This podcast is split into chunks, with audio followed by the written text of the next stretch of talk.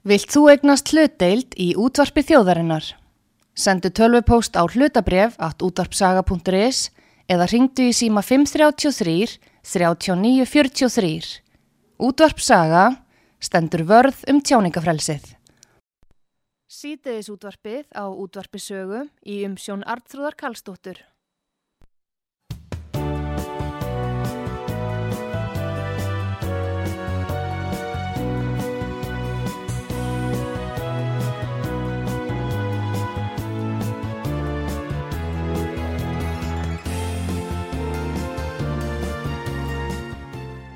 Komið þér sæl eh, þegar hlusta á útvarsögu.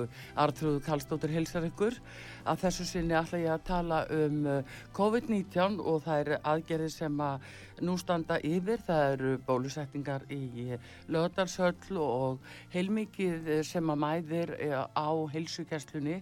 Það er Óskar Reykdalsson, fórstjóri heilsugjastlunar og höfuborgarsvæðinu sem er komin hingað sem ég ætla að ræða þetta mál við og fara yfir ímislega sem þessu tengist. Eh, góðan dag Óskar Reykdalsson og velkomin út að sögu. Takk fyrir og góðan dag. Nú er, eh, hérna, nú er að byrja ennin bylgjan og, og það er verið að byrja fólk að koma að fá uh, þreyðju sprautuna í löðarshöllinni, ekki rétt hjá mér. Alveg rétt. Og uh, hvernig, svona, hvernig gengur þetta núna? Þetta gengur bara alveg ágætlega Mm. og það er jú svo mikilvægt að viðhalda mótefnasvarinu eins og sótvarnarlæknir hefur ítrekka sagt og lagt til að við bólusetjum fólk þannig að það eru þessir sem eru komnir fimm mánuði Mm. frá síðustu bólusetningu að þeir eru velkomnir í lögatarsvöllina og til þess að fá sinn þriðja skamt og það er semst fimm mánuði frá síðustu bólusetningu eða sex mánuði frá því maður fekk COVID. Já. og þá getur maður fengið þetta svo kallega örfunarskamt en örfunarskamt er því að maður örvar mótefna svörum líkamans Já. til þess að kljást við veiruna. Og þá þjálfast maður upp, þetta er bara svona eins og að fara í ræktina og vera svolítið sterkar á eftir til, a, til þess að vinna í gardinum eða hvað maður, sem, maður ætlar að gera sko, þannig að maður þjálfast upp og mótefna, mótefna svörum líkamans þjálfast. Já, þetta er svona eins og að bæta alltaf einu batteríi við. Já, það má segja Það það. alveg að segja það, svona í ráttæki við þurfum að nota tvö batteri svo þetta komið þrjú. Já, einmitt. Svo, já, Það er mjög góð samlíking. já, það er eiginlega þetta sem er að gerast því að það verstur í fólki auðvitað örfunaskampur eða skot eins og þetta var nú kall- kallað uppalega menn vissi ekki almennilega hvað með stóð veðrið en, en þessi þriðja sprauta í raun og veru hún er bara af sömu tegund og búið er að vera. Já. Fyrsta og önnur og svo þetta er þriðja. Já, það er þannig og þetta er Já. í raun bara þannig að líka minn hann, það er sett inn svona veiklu veira eða, eða semst Mm. í rauninni svona efni úr veirunni já, sem er sett undir húðina og inn í líkamann og líkaminn skinjar það sem hættu. Bregst við með því að setja í gang allt svarið, mm, alla löggurnar á staðinn og svo þjálfast þær upp og verða vanari að mæta á þennan stað eða mæta þessari veiru þegar hún kemur inn í líkamann lifandi og fjöru og ætlar að gera illt. já. en þegar þú segir veiklu veira eh, erum við þá ekki að tala um gerðveiru eh, ef þetta er mRNA efni Jú, í, í raun bara erðaefni sko. já, RNA er, er sem sagt erðaefni veirunar mm, og þá þegar maður er búin að tryggja það að, að, svona, að, ve- að þetta sé ekki lifandi veira sem getur fjölga, sér nei því það er auðvitað mjög mikilvægt það er mjög lítið orðum lifandi bóluefni. Það var sagt, var hér í eina já, tíð. og, Þá og mjög var- lítið orðið núna sko. já, þá var kannski meira hægt að tala um veiklaða veira ekki satt? Já að, að menni sem voru, voru að kljást við berkla og, og gáttu einangra veiruna og veiklaðana og þá var hægt að sprauta. Já, be- berklar og hlaupabóla dæmis. hlaupabóla og allt þetta sem við þekkjum bara frá því gamla daga. Allir sprautaðir og fyrir kíhósta Já. og hvað þetta var. Þetta var svolítið öðruvísi þá. En segir við af hverju var hættilega við þá aðferð? Var það vegna þess að að vera kannski bara ekki eins veiklu og menn heldu eða? Já, sjálfsagt sko, það lifnaði eitthvað líf? Sjálfsagt hefur það eh, reynst ekki eins vel eins og Já. þegar maður er alveg búin að tryggja það að það getur orðið fjölgun. Sko það verður alltaf, þetta, þessi svörun verður alltaf. Já, og það sýnir sér sko að líka minn bregst við og svörunin hún hún sérst verður miskröftug og í sumum tilvíkum verður svörunin mjög kröftug hjá fólki þannig að Mm. það fær kannski meiri eimsli í hendina kannski hita og, og getur bröðust við með þeim hætti. Mm, og þá er það kannski alveg allt í lægi þegar um er að ræða veiru, veiru efni það sem ekki getur orðið fjölgun á veirunni. Já, en ef að það væri lifandi veira eins og þeim slaupabólusendingin var þá getur það reynst hættulegt þeim sem er ónæmisbældir sem einmitt þurfa helst á bólusetningun að halda. Akkurat. Þess vegna er þróunin svona góð í dag í bóluefnunum að þýleiti til að áhættana þessu er lítil eða engin. Já, eins og þú segir, en hérna, uh, en þetta er sko helsta breytingin að þessi aðferð sem notið er í dag, þetta eru líftæknilið, þetta mRNA, að uh, helsta breytingin er að þetta er ekki þessi veiklaða veira sem við vorum sprautum með hér í einati. Einmitt. Núna er þetta bara ný tækni og það er gerfiveira sem er raunverulega notuð og sem við erum að sprauta. Og það er þessi spike protein. Akkurat. Það er það sem er verið að gera núna. En uh, varðandi ymmið það að, eh, að, hérna, að fólk er svona misjaflega já, jákvætt fyrir því. Það er jafnvel hrætt við að fara í það veit í hvað það er og annað. Hvað myndur þú vilja segja við fólk? Er enginn hægt að verðum með það?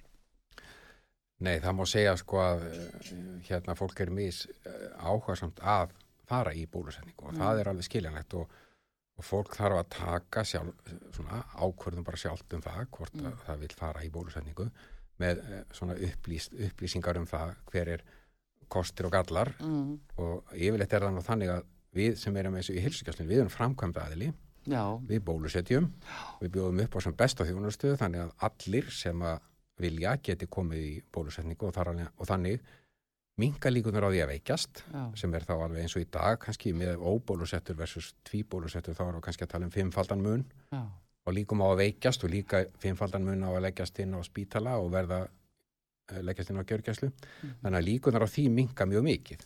Já, en svo eru þetta fólk bara sem eru vilja ekki láta sprauta sig, þeir eru bara hrættir hennilega við nálar. Og svo eru ímsar ástæði fyrir því að fólk vil ekki koma, við reynum að breyðast við eins og við getum, til dæmis þeir sem ekki þú að fara í markmenni, vil ekki fara inn í höllina eða þá komum við út í bíl og, og Já. bólusetjum þá rettum við því þeim þannig sko. já, já.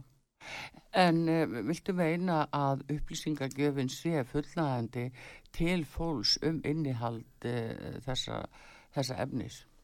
Ég held að það hef nú aldrei verið talað um bólusetningar eins mikið eins og akkurat núna. Já, en ekki Og- kannski um innihaldi. Nei, það getur verið og sótvarnalæknir Mm, tekur þessa ákvörðun svona um, um bólusetningar og hvernig gert er sko mm, og velur efni og, og leifir og, og þá í samráðu við auðvitað hérna Lífjastofnun sem er já, náttúrulega sá, sem, sá aðili sem fylgist með auka verkunum og þess áttar. já, Ég veit ekki en örglega er, maður veit svo sem ekki allt sjálfur og, og, og myndi alltaf vilja vita meira. já, já. En þetta er svolítið spurningin, Óskar, um sko upplýst samþykki. Og eins og lög um vísindaransóknir og heilbyrðisvið gera ráð fyrir að það sé algjörlega veitt upplýst samþykki. Og líka ef það eru klíniskar rannsóknir. Og, og mér sé að núna verið að breyta sko lögunum uh, um sjúkratryggingar belinis út af þessu til að tryggja það ef að illa fer að þá sé það sjúkratryggingar sem taki líka utan um klíniskar rannsóknundar að uh, sko það er eiginlega þetta sem að, stendur í fólki það er að vita ekki nákvæmlega hverjir eru afleggingar af því að nú vitum við að þetta er tilhörun Mm. Og það er bara verið að prófa þessi líftækni lifi fyrsta skipti og, og rannsóknin líku 2023-2024 og, og fólk er óörugt um innihaldi og heldur bara að það býði skada af því. Já, Hvað viltu segja við fólk út af þessu? já, já, ég treysti því að sótvarnalæknir sé að taka skynsanlega ákvörðan og ég held að alveg sannfærður um það með mm. Mhm. bara þess að tölur sem ég sé en ég veit ekki alveg hvernig maður upp, það er náttúrulega til upplýsingar um þessi efni og, og hægt að leita að upplýsingum en hvort það sé næjanlega komið út á við til fólks, það ger ég svo sem er ekki grein fyrir því en það er alltaf fólk sem vil meiri upplýsingar. Livjastofnun er, er með mjög miklar upplýsingar um þessi efni sem verið að gefa og við, við, treystum þeim alveg fullkomlega en það er mjög vanda til verka þar já, já. En nú eflaust er það hjá ykkur, en þetta er spurningu um þann sem að þykkur og, og fólkið að hvað fólk hérna í raun og veru uh, fær að vita um innihaldið og það er þetta upplýsta samþyggi Já, sem að það felur í sér og uh, vísinda síðan til dæmis kom ekki að þessu máli sem er svolítið skrítið. já, ég þekki það ekki. Nei, Þetta er alveg hjá sóttvarnalækni sko, við erum svona framkvæmda aðili og, hérna, og Livjastofnun auðvitað sko já, og þannig að ég þekki það svo sem ekki alveg hvernig unnið var að því. Nei, en þannig að þú gerir ekki aðtjóðsendir við það hvernig þetta er tilkynnt og hvernig fólk er bóðað eh, eftir svona með strykamerkjum og annað. Eh, Veistu hvernig það var ákveðið? Nei, ég veit ekki. Þetta er, sko, við, að við tókum, uh, þetta er þannig að þegar að við ætlum að, til þess að þetta sé gerlegt, Já, að bólusetja mjög marga á mjög skömmum tíma, já, þá þarf að einfalda kerfi mjög mikið. mhm, Því að tíminn sem fer í bara skrá, taka niður kennitölur, skrá inn í kerfin er bara einfallega og mikill. Ef við ætlum að taka hvernig einstakling með þessum hætti, þá, þá gengur mjög hægt að já, vinna vinnuna. Þannig að það er nú aðal ástæðan ábyggilega fyrir því að, að við fórum út í þessa forröndunarvinnu að einfaldi hlutina. Fólk panta sér bara annarkvæmt það, það fær köllun og ef að það er tilbúið eftir þessa upplýsingar sem að veittar hafa verið á til dæmis upplýsingafundum og víðar, þá mætir það bara með stregamerkið og þá er það einföld skráning. Þetta er fyrst og hann skráning að þægindi Já. sem eru fólkin í já, stregamerkið. þetta er svona meira, já, til þeir hægðarauka. Já, þetta léttir okkur lífi Já, mjög mikið í, í skráningunum og gerir Mm. það verkum að við getum gert þetta hratt og, og að nýta og þegar við erum með takmarkaðan mannskap, því hann er ekki endalaus, mm, að þá er þetta í rauninni eina leiðin til þess að við bara getum hreinlega gert þetta með þessum á þann hátt sem við höfum En verið að nú gera. er samt sem áður sko, það var nú eitthvað, um, þegar þetta var að koma upp, sko, það var personuvenn sem kom að þessu og, og menn voru ekki alveg á eitt sáttir, það mætti gera þetta svona að því að lögin um vísindaransóknir eru mjög skýr og það þá lítið sérstaklega til mannhelgis, sjónum við það, og mannréttinda að þau standa alltaf ofar vísindum og samfélagi. Mm, Þannig að þegar menn er að segja þetta sé samfélagslega skilda að þá þarf vel að það sjóna með að víkja fyrir mariðtindar ákvæðum. það getur vel verið. Ég held að þessi ákvörðun hafi nú mikið verið tekin í, í samstarfi við Norðurlöndin. Já, Ég held að, ég held að, að Norðurlöndin öll standi mjög saman að því hvenar þetta er gert og hvernig. já, það er sami í Já. gegnum Svíþjóð. Já, og þetta er svona, þannig að verklægið er ákveð með þeim hætti. En í gegnum tíðina, sko, þá hafa Mm. bólefni náttúrulega bjarga okkur alveg ótrúlega mikið frá því að við vorum bara ef við tökum einhver svona eins og pólömunaveiki Já, gömlu Við- góðu bóluefninu sem við vorum að tala um, já, já, já. já. þegar við vorum að sko bólusetja og stoppa sjúkdóma og fyrir þetta 50 til 70 árum þá voru til dæmis bara eins og við tökum börnin þá voru þau að deyja sko á hverju ári í miklu miklu meira mæli heldur en í Já, dag. já, já. Mikið lóskup og þetta hefur náttúrulega tekist stórkostlega hér á Íslandi í okkar kannski fámenni eða sama. Já, en hvað menn, mennum tókst vel til að að virkilega að útrýma svo já, berglum svo ég taki það sem dæmi. Já, og hérna en þá er náttúrulega allt önnur aðferð og, og notuð og, og sem sagt veiklu veira sem að, að núna í dag er, er það sem fólk er að horfa á auðvitað að sko gerfi veira hvað inniheldur hún? Hvernig getur hún orðið ígildi uh, raunverulega já, veira já. og hvað inniheld og þess vegna er svo mikilvægt að fólk sé upplýst um innihald ekki það já. að, eh, að það fái að, að vita hvað þýðir þetta spækprótein Já, ég er ekki maður til að spyrja um þetta. Nei. Það eru nú vísindamenninir hjá spítaranum og Jú, hjá jú, og hafa aðeins nefnda og maður saknar þess einmitt að þeir hafa ekki verið spurðir ítalegar út í Já. það og hvað þýðir þetta mRNA uh, efni sem að, fólk er að fá því að spækpróteinin þau hafa líka þennan eiginleika eða hvað á að segja að þau geta úða frá sér og þú eru örgulega heyrt um það að þegar fólk er búið að fá sprautu þá þarf maður að, vera varkári sjöta og eftir til þess að, vera ekki að umgangast aðra eins, svona eins mikið að þau Sko mótefnasörunin getur orðið semst kröftugri ef að segjum að þú sért sem sagt uh, búin að fá smit þegar Já. þú færi bólusetningu já, þá verður eðlilegt að mótefnasörunin verður svolítið kröftugri hjá þér mm, ef þú færi svona eina bólusetningu og smit á Já. stipnum tíma. Já, en það má segja sko að árangurinn hjá okkur í COVID aðgerðunum í heild er alveg ótrúlegur. Við erum að tala um sko e ef við tökum andlátin til dæmis vegna Mm. COVID e- eitthvað rúmlega 30 já, og ef við berum það saman við löndin í kringum okkar eins og svíjar sem fóru öðruvísi í málið já, þá væri við að tala kannski um eitthvað svona 400-500 andlát Já. eða meira sem þýðir að sko ef við værum að bera það saman ef við tækjum tölurnar frá Svíþjóð heim já, þannig að, að þá væri sko þá, eða þú sér munin á því, sko, við erum samkvæmt tíbúin að bjarga 400 og eitthvað mannslífum. því Já, já, og bara öllum þessum aðgerðum í fyrra og líka bara, uh, ég vil nú segja sko þjóðin á stórt klapp líka skilið að fólk fór bara í þessa persónulega sótvarni, það líti, það Já, var allir í- með. Allir með voru í, í, hérna í sótkví og, og, annað, þannig að fólk stóð sér feikilega vel eins og Íslendingum enn og einu lægi Einmitt. þegar svona er. Við erum sérfræðingar í krísum, við Já. setjum upp grímunum leið og þrófur segir. já, jú, jú, það er nú þetta sem gerist og, og hérna og þetta þjó, þjóðin á mikinn heiðurskilin og líka því heilbreyðstarfsmenn, svo sannarlega. En, en hins vegar er það bara þessu hverki loki og það er það sem að maður er reyna að sjá fyrir eins og ég saði við þig að nú líkur þessari rannsókn sko hluta hennar 2023 og 2024 svo alveg. Og nú á næsta ári 2022 þá búið kaupa 1,4 miljón skamta fyrir Ísland og þá spyr maður sig eh, er það 4 og 50 skamtur eða sko hvernig mun fólk taka því að þetta komi alltaf aftur og aftur? Já, þetta er náttúrulega eins og með influensuna sko sem Mm. kemur alltaf á hverju ári og við þurfum alltaf að skerpa á mótarn á svörunni. Já, til þess að því að það eru svona breytilega frá ári til ás, það er einhver svona tegund þetta árið og annu tegund hitt árið og, og þá þarf að, að skerpa svolítið á mótarn á svörunni hjá okkur til þess að við séum Mm. tilbúnari.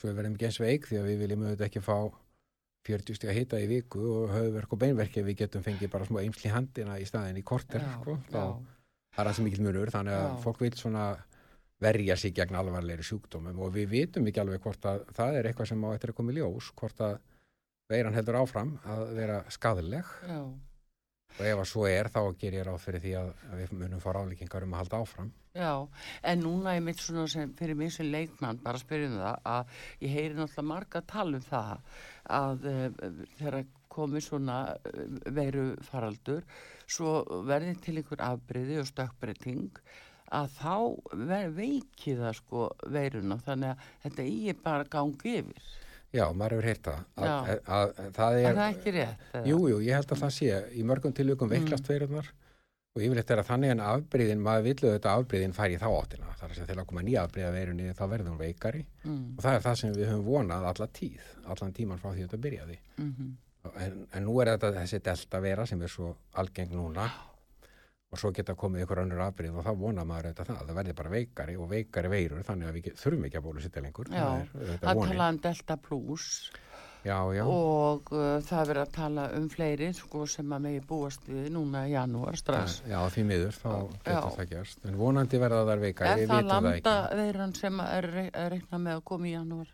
Ég veit svo sem ekki alveg hvernig, ég þekki það bara ekki sko, hvað er alveg hverjum ára að vona á akkurat núna sko. En það er ég, hérna það er alltaf einhverja smá breytingar og þetta má kalla þetta ímsu nöfnum sko, en, þetta Já. er, en það verði einhverja smá breytingar á veirunni og vona, yfirleitt þá veikist veiran sko svona í gegnum söguna í tíðinni, en það getur alveg verið að það verði ekki þannig og Nei. En það er eitt aldrei merkildi í þessu Óskar að, uh, og það hefur nú bara verið að koma fram á síðustu dögum upplýsingar um það að í löndunum það sem hefur verið mikið sprautað og, og bara flest allir sprautað er eins og maður segja 80-90% eins og hérna að þar eru smitin að blossa upp í, sko, í sprautuðu löndunum svo aftur á móti það sem er minna sprautað þá er aftur á móti miklu farri smitt hvað hafa svona vísindin eða sagt ykkur um þetta? ég veit að það svo sem ekki en ég held að eins og til dæmis í Svíþjóð þar sem að tölvert meiri hluti þjóðvarinnar miklu miklu stærri hluti þjóðvarinnar er búin að fá COVID heldur en hér mm, þá eru þeir komni lengra í því að fá svona hjarðónæmi eða má segja það sem fleiri Já. eru búinir að fá, fleiri eru ómóttækilegir þessi búin að fá mm, COVID. Og þá þar alveg að þetta minni líkur á því að það komi ný, nýjar bylgjur með fjölgun smita því það eru bara færri sem að geta veikst. Mm, og þetta þar alveg að náttúrulega ganga þeir bara fyrir í gegnum veikindin heldur en aðrir, þannig að við vitum svo mikið hvernig það þannig að þróast á þetta næsta væri ári. bara vægari veikindi eða svo leiðis Já, sko, þeir náttúrulega svíjarnir til dæmis ef við berum það saman, þá fóru þeir nú illa út úr þessu í upphafi og eru búin að taka tóllin, það er að segja já, þessi andlát og, og marg alvarlega veikindi, en í staðinn þá verða þeir væntanlega, er, er, er, lítur þetta út fyrir að þeir séu þá betur stattir kannski akkurat varandi smit eins og núna, en það er samt út um allt. Já, sérstak, já, sérstaklega það, í löndum þar sem er búið að sprauta mikið. Og þess vegna er ég að tala við þig og sem er talið áriðandi af því að þú ert fórstjóri hilsugjastlunar á höfborgarsvæðinu með allt þetta svæði og, og, og bara mæðir mikið á ykkur að hérna mm, með fólk sem fer eins og núna í sprautu á það að haldast því þá freka kannski heima við segjum í sjö dag og eftir meðan að kannski spæðprótinin er að byrja á að úða frá sér frá, frá þeim sem er búin að láta að sprauta sig Sko það er þannig að fólk á, við náttúrulega þessar persónubundu sóttvarnir eru mjög mikilvægar mm. og það er bara gildir fyrir alla. Mm.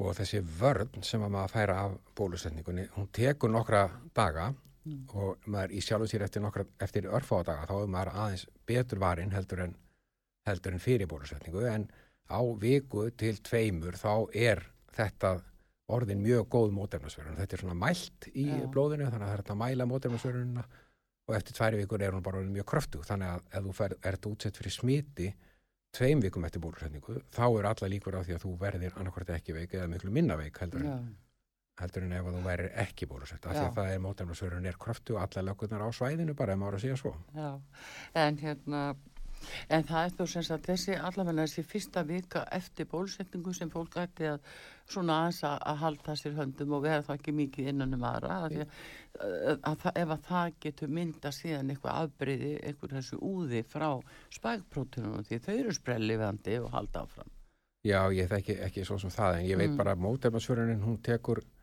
hún tekur þennan tíma þannig að mm. maður á alltaf að passa sig maður, persónubundu sóttu eru aðalatrið hjá okkur í dag já, það er langt besta leiðin til þess að forðast að smitast já, og, en maður er betur varinn þegar komnar eru tvær vikur frá bólusetningu mm. heldur en ella, þannig að ég held að sé alveg rétt hjá þér að fara varlega og, og umgangast með varkar, varkárni eins og maður á alltaf að gera allavega fyrstu sjö dagana á eftir já. já.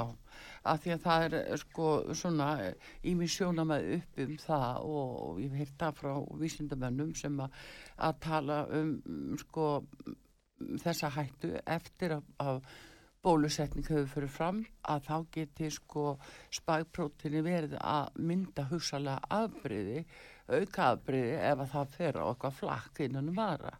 Þannig að fólki þurfi að gæta sér fyrstu sjö dagar eftir sprautu. Já, það getur verið, ég þekki ekki þessa hugmyndafræði sem Nei. ert að lýsa þarna sko, ég Mm. mm. bara verða að viðkynna það. Já, já, en nú verið að tala svolítið um það að hérna að, að það er frá bólusetta börnin. Hvernig ætlaði að nálgast þau? Hvernig á að gera það? Já, þetta er náttúrulega tölvöld mikil áskorun að Já. taka börnin. Við getum, eins og komið fram, þá getum við ekki gert það á sama hátt og við erum að bólusetja fullorða. Nei.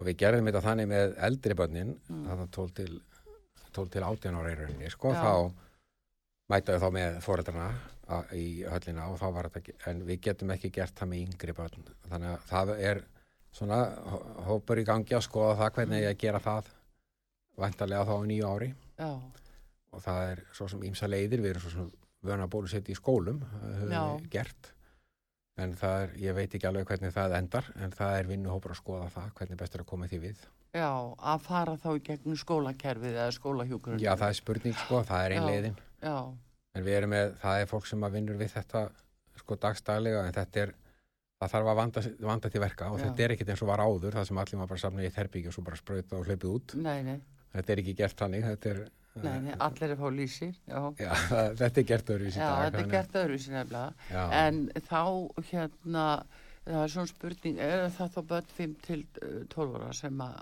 til að fara næst í? Það er það sem við- verið er að skoða og, og, og Lífjastofna Evróp er að meta hvort að það sé Mm skynsalegt og það er farið að gera það í bandaríkjánum. Jú, jú, það er Pfizer, þeir gáðu baby Pfizer þarna í april Einmitt. og hafa byrjað að sprauta alvilt og kalið eh, með því. Já, og uh, nú svona samkvæmt áallun eiginlega, Óskar, þá sér maður að það er gert ráð fyrir því í Evrópu líka börn 5-12 ára á þessum tíma. Þannig já, að, ég, já, það er svona eitt af því sem Lífjastofnun Evrópu er að taka afstöðu til og mm, ég, ég býst svo sem alveg við því sko þó að ég viti það náttúrulega ekki neitt. nei, nei, en síðan er að litlu börnin alveg nýri í sex mánuða, er það líka eftir áramótið þá? Ég hef ekki heyrt á því. Nei, Ég hef bara heyrt að þetta sé í skoðun núna þetta 5 til 12 ára. já, ég veit ekki alveg, en það er náttúrulega þetta byggir svolítið á reynslu Já, bara að segja hvar eru uh, pestirnar og hversu alvarlegar hversu Já. alvarlega er veiran og það hefur sínt sig að vísu höfum við sloppið til tala vel með börnin. Já, en það er nú samt uh, víða sem að börn hafa farið út úr þessu. Já, og ég held að hafa nú einhvern tíma lesið um það frá bandaríkanum að það voru tölvast alvarleg enginni og, og döðsvöld hjá börnum líka sko. Já, þá er ég að minna 18 ára og yngri.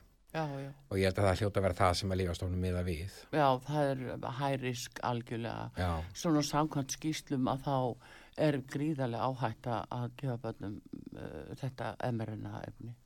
já ég þekki ég, þeir taka afstöð til þess sko Já, og ef að það er sett í ganga yfirvöldin hér þá fyrir við það og bjóðum upp á það já, já. Þannig að það er umverulega pólitísk ákvörðin. Finnst þér, uh, verður Já, hún ekki læknisfræðileg? Jú, jú, það er sótarnalæknir sem að metur og, og livjastofnun já, það er þeir, það, livjastofnun metur náttúrulega hvort að liv er leift á Íslandi hvort það er samþýgt og hvernig samþýkið er. Og, e, og það er þá rálegging sótarnalæknis hvernig það er notað. Já, og þá hérna og, og já og við erum framkvæmda aðilinn sem að og þá fáið þið bara umverulega fyrirskipun um að, já, við fáum fyrir mölum það að, Að- bjóða upp á þessa þjónustu. Já. og gerum það að sjálfsögðu. En hvað með ef að alþingi, ef að það kemur nú saman einhver tíma nú næstunni, að hérna, hvað með að alþingi segir nei, eh, við viljum ekki gefa heimild fyrir eh, bólusetningu á Já. 5-12 ára börnum. Já, þetta kemur náttúrulega væntanlega frá þetta er væntanlega, sko, já það nú ert að spyrja eitthvað sem að Já, þetta er stað sem gæti, já, gæti komið upp, sko. það getur allt komið upp, já Mm. við, hérna, ég veit ekki, ég set mig, kannski ég get ekki sett mig í þann þá, hérna, stöðu að meta Nei, það nei, við erum framkvæmda aðilinn sem satt og, og ráðleikingarna koma frá þessum aðilum lífastofnunu og sótarnalækni og, og svo er þetta hérna, ráðniti heilbyrðismála sem stýrir heilbyrðisjónustunni já, já. Er ráðnitið ekki, sko, í raun og veru kannski fyrst og síðast sá aðili sem að er að gefa fyrirskipanir um hva, hvernig skuli á málum haldið og, og, og, og þetta skuli gert. Já, sko, ég, þetta nú, sko, sótarnalæknir og heilbyrðisjónusti eru í auðvitað mjög nánu samstarfi. Já, og ég held að það sé nú oftast tekna mjög svona, auðvitað er endalega ákvörðunum ímislegt eins og sótarna ráðstafanir eru á höndum ráðunitis ráðherra eins og við höfum séð. En ef það er einhver svona einstaka faglega málefni þá hlýtur Mm. það náttúrulega að fara í gegnum svona já það fer í gegnum þá þessar eins og sótarnalæknir sem að mm. Ég veit ekki hvað gerist ef alþingi sér eitthvað annað því ég, þetta er spennandi spurning já, sko Já, já.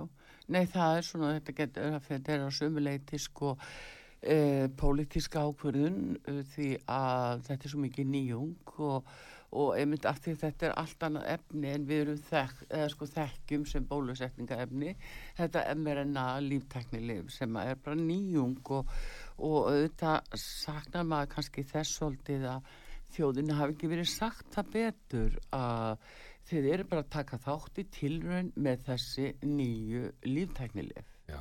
en kannski er líka bara ástandi svona brátt sko Já, ef að fólk er að deyja í umvörpum og heilbyrðiskerfið er, mm, er, er hérna á erfitt með að ráða við það er kannski hver einasti vei, sjúklingur sem verður mjög veikur hann krefst svo mikill mannafla til umönnunar og ef að það er þannig kannski að við þurfum að setja allt okkar fólki að sinna bráðveikum einstaklingum í á gjörgjæslu eða spítala eða þá það, það sem allt okkar starfsfólk fyrir það, þá getum við ekki gert hjartaðegerinnar eða nei, nei. mjálmaskiptin eða hvað er sem við þurfum Nei. að gera annað sko.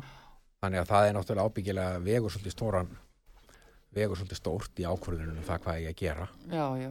En það hins vegar á að bytna á sjúklingum, uh, sko, belinni, sjúklingum sem að svo segir þurfa jafnvel í stóðkerri, sækerðir eða eitthvað álíka, mm. Að þeir lenda bara á bygglista af því að fyrirkomulagið í helbriðiskerfinu er ekki betur út búið en svo að þóla að fá kannski 20-30 mannsinn á gjörgjæslu. já, svona mikið veika sko. Já, svona En- mikið veika. En er, er- það ekki líka svolítið handum heilbriðisifald að hafa bara ekki verið búin að koma farsjótt á sjúkrósi? Þau eru búin að vita allan tíman að þetta tæki fjögur ár að komast í gegnum þetta. já, já, þetta er auðvitað alltaf auðvelt að vita þetta svona eftir á Nei, við erum En- bara búin með eitt ára Já, af, já. af fjórum.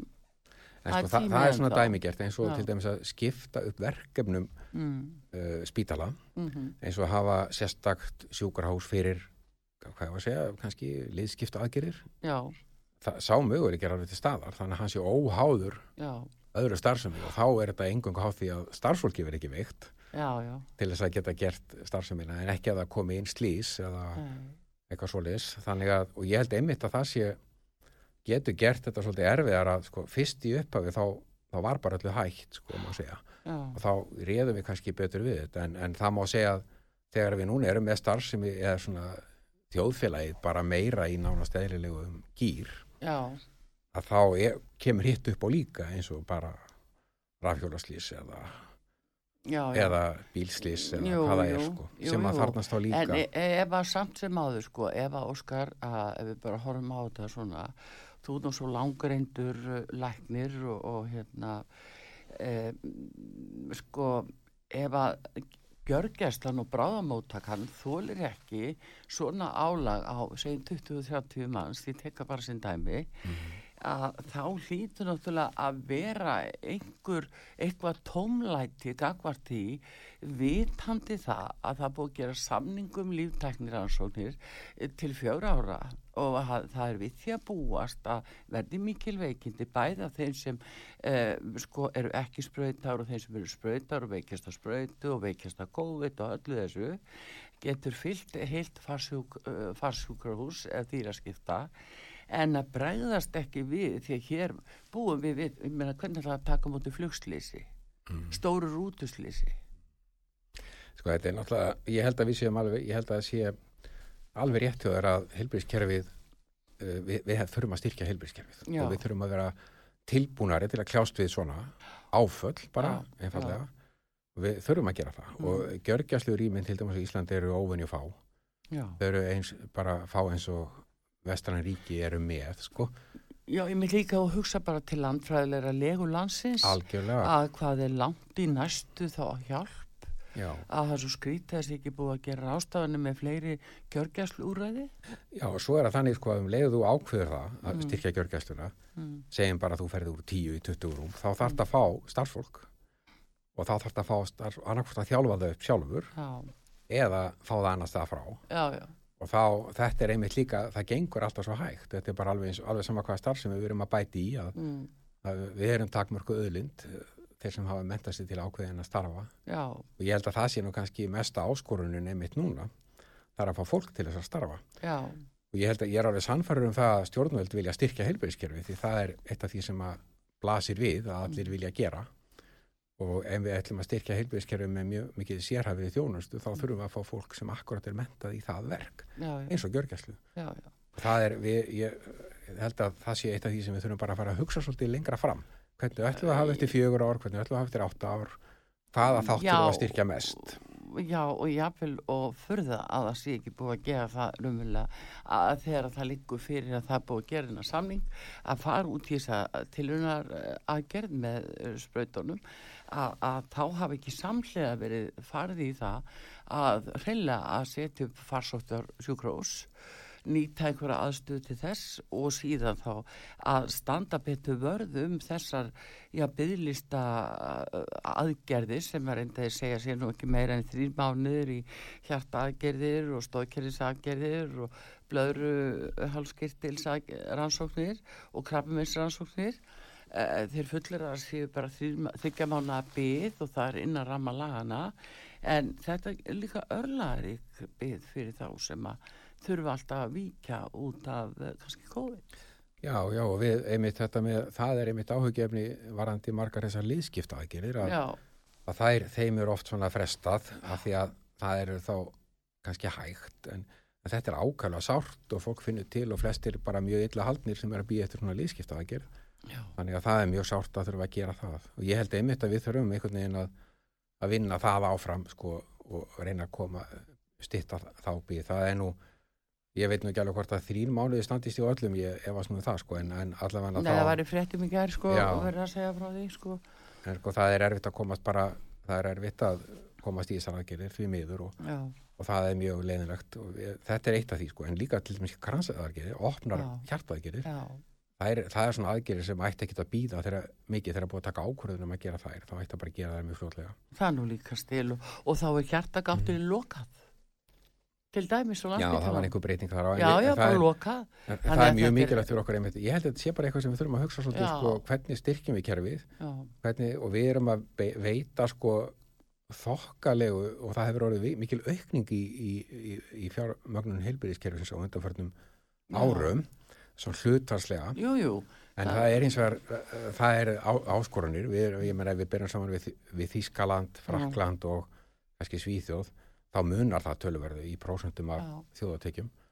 Og, en við nálgumst á við erum aðeins betri núna heldur Já, fyrir já. þrejum fjórum árum Jú, það er sannlega alveg greinlega vilji til þess en, en hins vegar er þetta svona spurningin daldi sko e, veit hægri höndi hvað svo vinst er að gera í stjórnun hvað sem hún er í heilbyrðisáðundinu eða hvað kemur bóvaldið og, og það er kannski stóri vandin í dag. það er mikið samstarf núna sem er, Mm. er nýtt í heilbyrðiskerfinu þannig að semst, til dæmis ráðuneyti er með mán, mánuðalega eða þannig kannski aðeins meiri mánuður á milli samstarfsundu þar sem að fórstjórar heilbyrðistofnuna Já, hittast. Eða, og það er auðvitað tímsfundir eða fólk hittist og tekur stöðuna. Mm, þannig að allir eiga að vera vel upplýstir um það sem hinn er að gera, læra hverju öðrum og svona. Já, og það er að- auðvitað stefnumörkun stjórnvalda sem hefur verið sett fram að, og að þá stefnumörkun vinna semst starfsmenn helbiðstofnuna og stjórnendur og starfsmenn En hefur það ekki ymmið tekist vel þegar að þeir sem starfa við þetta, þegar þeir komið til lögunar og það er unnið eftir þeim, Jú. fólki á gólfinu sagt er. það er langt besta leiðin Já, og einmitt stefnumörkun eins og eins og er eðlilegt að gera og við Já. gerðum til dæmis við laðum nú stefnumörkun inn fyrir heilskjöldu höfbrókastæðisins fyrir Já.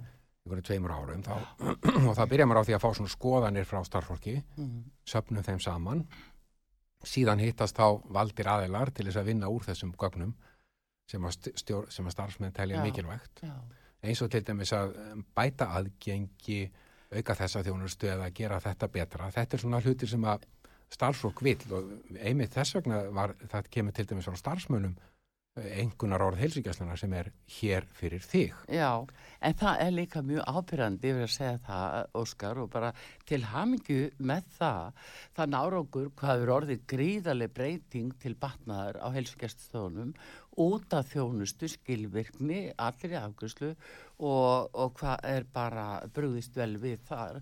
Þetta er orðið gríðarlega sko, breyting til batnaðar á skömmum tíma. Já, takk fyrir það, það er ánægilegt að heyra já. þessa skoðun en það er, við leggjum mikla áherslu á það að sinna fólki og það er auðvitað þannig Mm. að við verðum líka var við það þegar Mm. að heilsugjastlan heilsugjastlustöðarna vekja meiri aðtikli Já, eh, hvort sem það er á höfbrukarsvæðinu annars það er að Mm. ásóknin verður aðeins meiri já, já, við verðum vinsælli og það er, það auðvitað líka áskorum fólkin í því því að við þurfum að komast yfir daginn og núna þá þurfum að fylgja því eftir. Við þurfum að mm, styrkja og stækka þessar einingar já, til þess að taka við þeim því verkefni sem við höfum já, já. sem er mjög mikilvægt að sem er náttúrulega stóra verkefnið að koma fólki í sprautu en þá já, það er eitt af því. Já, eitt en, af því. en það, við höfum fengið góða ástof við það því að Mm, bæði sínatökunar sko, þegar að heilsugjastlan fekk verkefnið að taka síni á landamærum það er semst heilbreyðistofnun höfbrukarsvæðisins eða Mm. heilsugjastlan að þá er, tökum við síni á landamærum fyrst Mm. og síðan færum við okkur á Suðurlandsbraut og tökum þar líka síni mm,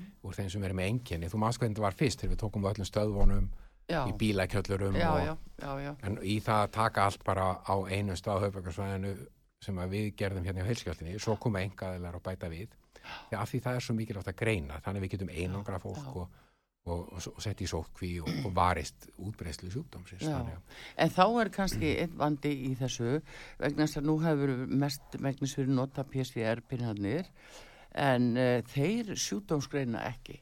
Niðurstaðan úr PCR-pinnum, hún sjúdómsgreinir ekki. Hún segir bara til um að sé smitið ekki. Já, það sé veira í kokinu. Veira í kokinu Já, og það getur alveg fyrir hvef. Já sko, Í rauninu veru eða... nei, sko, það er þannig að það er einmitt það sem er svo gott að með PCR-prófin og reyndar sérhaggreiningaprófa, þau greina eins nákvæmt og hægt er að greina hvort þetta er þessi COVID-vera Mm, eða koronavera. En koronaveirunar eru margar tegundir, en síðan er allar hina veirunar, já, ef við tökum bara öndunafæra veirunar eins og atin og veira eða hvað það er, að þá getur maður, þá, þá er hægt að greina þær, en Já. það ætti ekki að vera mikil tenging þar á milli. nei, Og falskt neikvæð próf, við höldum allavega að það sé mjög lítið um það. Mm. Við erum með nokkur svona falskt jákvæð, þar að segja það sem að hraðgreiningaprófin sína að sé veira sem að síðan ekki staðfestist í. PCR og það er einn og einn þannig, en, erum, en það er eitt af því sem við vinnum mikið með að Já, velja rétta kittið sko, já, já. til En þess að vera er sem einmitt- nákvæmast. Jú, jú, en þannig að nú farið í samt, eh, þetta er notað hvað, 40 snúningar, það er svolítið orðið mikið, það ekki, 40, Eh, 40 snúningar á, á, á greiningu á PCR-prófunum er það ekki alltaf mikið. já, ég þekki það ekki. Nei, En ég, sko, þetta er nú held ég mjög nákvæm sko, vinna á spítalanum, það sem Mm. er að landspítalinn sér um PCR-greiningarnar mm með þessu nýja tæki sínu sem við held ég að sé mjög nákvæmt og gott tæki. já, frá Amgen. Já, já, það getur verið. Sem að eiga pinnana líka, þetta eru hagsmunir. Já, Já, þeir selja pinnana. Já, það er svo sem alltaf í þessu, þessu lífi, sko, en það er, en sko, allavegna þá eru þessar, þetta er nú aðeinslega þrennt sem er í gangi eins og öndunarfari síngar. Það er í fyrsta lagi bara influensa, Já, sem reyndar ekki komin svo ég viti, nei, En influensa er sem sagt ákveðna tegundir af veiru sem að klassíst valda einkennu sem eru svolítið þegar maður fær hratt. Maður fær háan hita, beinverk og, beinverki og höfuverki, þannig að vöðvaverki, já, sem er svo klassíska influensa skoti sem maður fær allt í einu bara hundveikur. já, En síðan eru þessar, og það, það er auðvitað getur verið alls konar, en oftast, oft er það svona, þetta er svona klassísku einkennin, já, en síðan eru þessar öndunafæra veirur eins og atvinnuveira, það sem að maður svona kvefast já, og verður svona bara að kvefa kannski smá hósti, nefst í blur og Mm. stundum smá hiti og það kemur kannski ekki alveg strax. Og, svo, og, og þetta er semst, ein, þetta sem er eins og núna, mikið í gangi og svo er það þessi koronaveira sem er, eða COVID sem, sem er sérstök tegund af koronaveirum þar sem að maður fær þessi klassísku COVID-enginni en svo allt í hennu bara breytist það eftir tegundum veirunar Mm. og þess vegna viljum við bara fyrst og næst taka sínur öllum já, sem eru með einhver svona kvefinginni þannig að við vitum hvort séu COVID. Og ef það er ekki COVID þá er maður miklu slakari. Já, þá, þá eru miklu, lang, lang, lang mest að líka þetta gangi yfir. En ef það er COVID Já. þá lenda alltaf einhverjir á spítala og einhverjir verða veikir og þá þarf að fylgja þeim sérstaklega eftir. En hins vegar núna eitt óskar það er allirisvert að, að það er svona ótrúlustu menn farnir að tjásu um það hvort að menni að vera sko að sprauta sér sprautar og óbólusettir og bólusettir. Það er svolítið verið að kljúfa þjóð, þjóðina og, og svona merkismenn hafa meira segja sagt að þetta er bara að taka óbólusetta og flytja út í Grímsey og einangráð einhvers þar. Það er engin nöfn nefnd, nefnd en uh, það er samt hérna Óskar, þetta er frjálst val og, og við erum náttúrulega með okkar mannréttindi lífrælsu landi.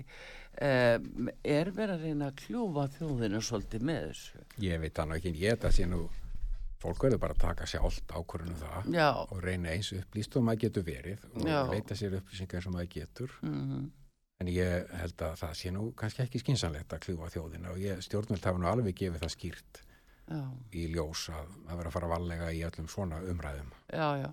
Já, nákvæmlega sko vegna þess að, að svo er líka fólk uh, með sjálfsánum sjúdóma og alls konar sjúdóma sem að það bara myndi ekki treysta sér og ekki geta farið í mRNA sprötu fólk hefur bara skoðun á því og, og álit á því hvort það vil bólusetningar eða ekki og Mhm. það verður bara að hlusta á það. Svo er ákveðin rök sem sagt, þessi svona tíðnitölur sem að við sem ég held að sótvarnar yfirvöld nota. Já.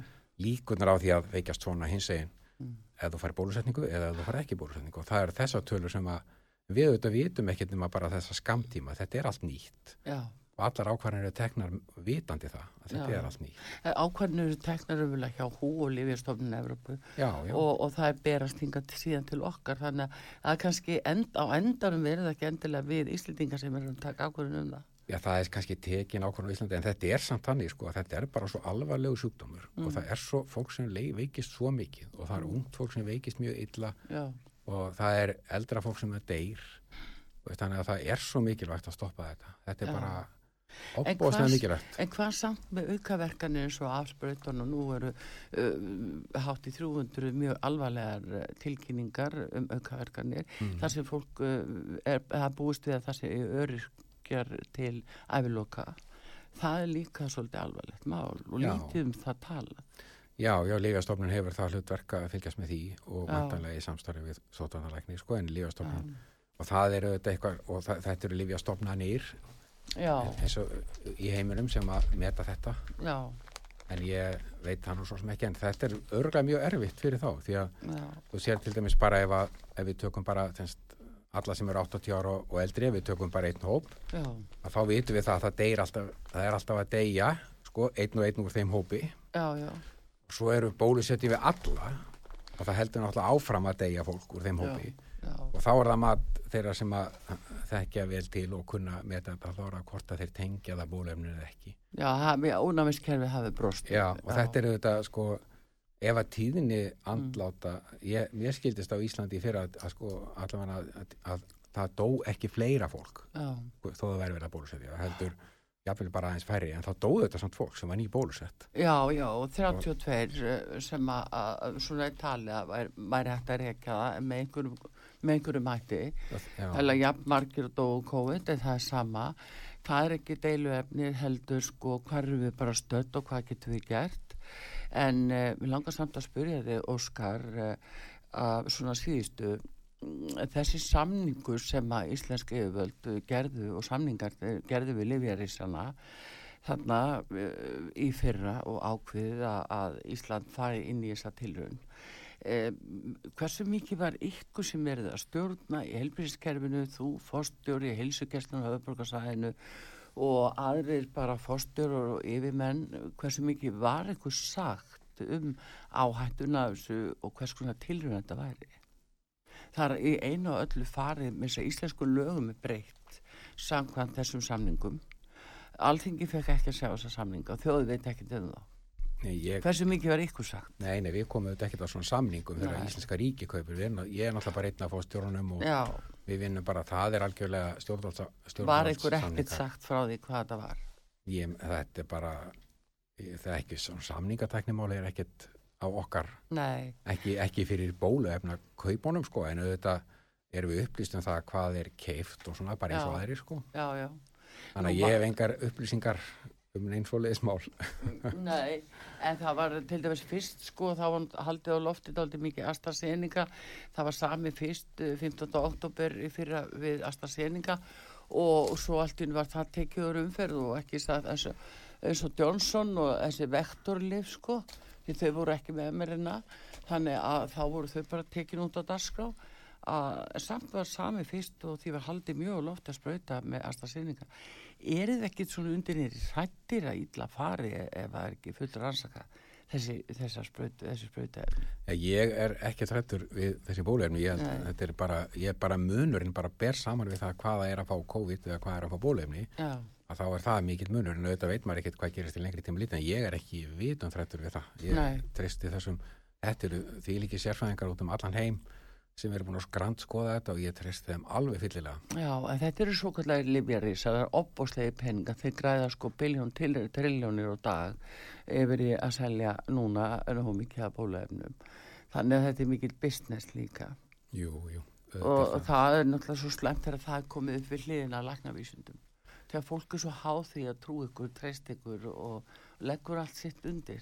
Já ég er nú ekki maðurinn til að spyrja um þetta sko. Nei, við finnum einhvern annan en eh, einhvað síðu, þú í þínu starfi með mikla ábyrð og, og allt það en hérna ertu svona, ertu sáttur við að, að börnin verði spröð svona alveg einstinni einstinni þá ég með hef tilhörnaefni já, já, og ég bara þekki það mikið inn í barnalækna hófnum að það sem Mm. að maður spyr bara barnalæknana, allar að bólusetja barnið þitt mm. Og þeir sem eru að lesa og kynna sér til sem að, og gera það, þá bara gerir maður það sjálfsögðu sko. þetta er, en ég hef ekki ágjörð því vegna að bara bólusetningar í gegnum tíðina Já. hafa reynst okkur svo vel já, þá erum við aftur komin að því, þá erum við að tala um allt annað efni ég veit það, já, en ég bara en núna erum við algjör í tilraun sko, við veitum ekkert hvað er inn í það er alltaf þannig þegar maður byrjar alla, öll svona starf sem er byrjar Mm, þannig mm. alveg sama hvaða bólefnum maður er að bólusetja með mm. það byrjar einhver tíman já, og þá fyrst þegar maður er að byrja að nota bólefni þá þarf breytast þau kannski og svo er einhver aðeins tilfæslur og lagfæringar og svo Já. endar það með einhverjum ákveðum hætti Jú, jú, og þessi tilur náttúrulega miðar að því að finna eitthvað eitt efni sem að í lokin er hægt að treysta á.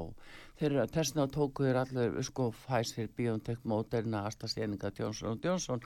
Það var gert bara í þeirri trúa eitthvað myndi hefnast hann að þá kannski eftir að koma í ljósa eitthvað hafi hefnast en ef já, ekki já. Nei, ég held að það sé að alla daga verið að skoða þetta að, og ég, ég vissum að þau hjá sóttundarleikni sitt alla daga og lesa yfir þau gögn sem er í gangi og, og, og koma svo að nýta það til þess að velja hvað er best hverju sinni og hvað er verið að nýta já. og það er sóttundarleikni sem að, og hans fólk sko í samstarfi við löndin í kringum okkur mm -hmm sem að mæla með því hvað, hvaða besta mögulega þekking er í dag til að gera þetta eins og vel og hægt er. Já. það er akkurat þannig sem þetta er í dag. Já, já, ábyrðin alfari hans það að vísenda segja nefn kemur ekki að þessu. Þannig að ábyrðin er hans þegar vís á hann. Þannig að þetta er svona. En eh, Óskar Eikdalsson, það var frábært að fá þig, fórstjóri hilsugjæslunar og höfbrukarsvæðinu, gangið sem allra best og við heyrum aftur í þér og sjáum hvað setur. Takk sem við leiðis. Takk fyrir kominu út á sögu. Artrúð Kallstóði þakkar ykkur fyrir, eh, uh, David Jónsson var takknir maður og við fáum lægið You Raise Me Up. Mm.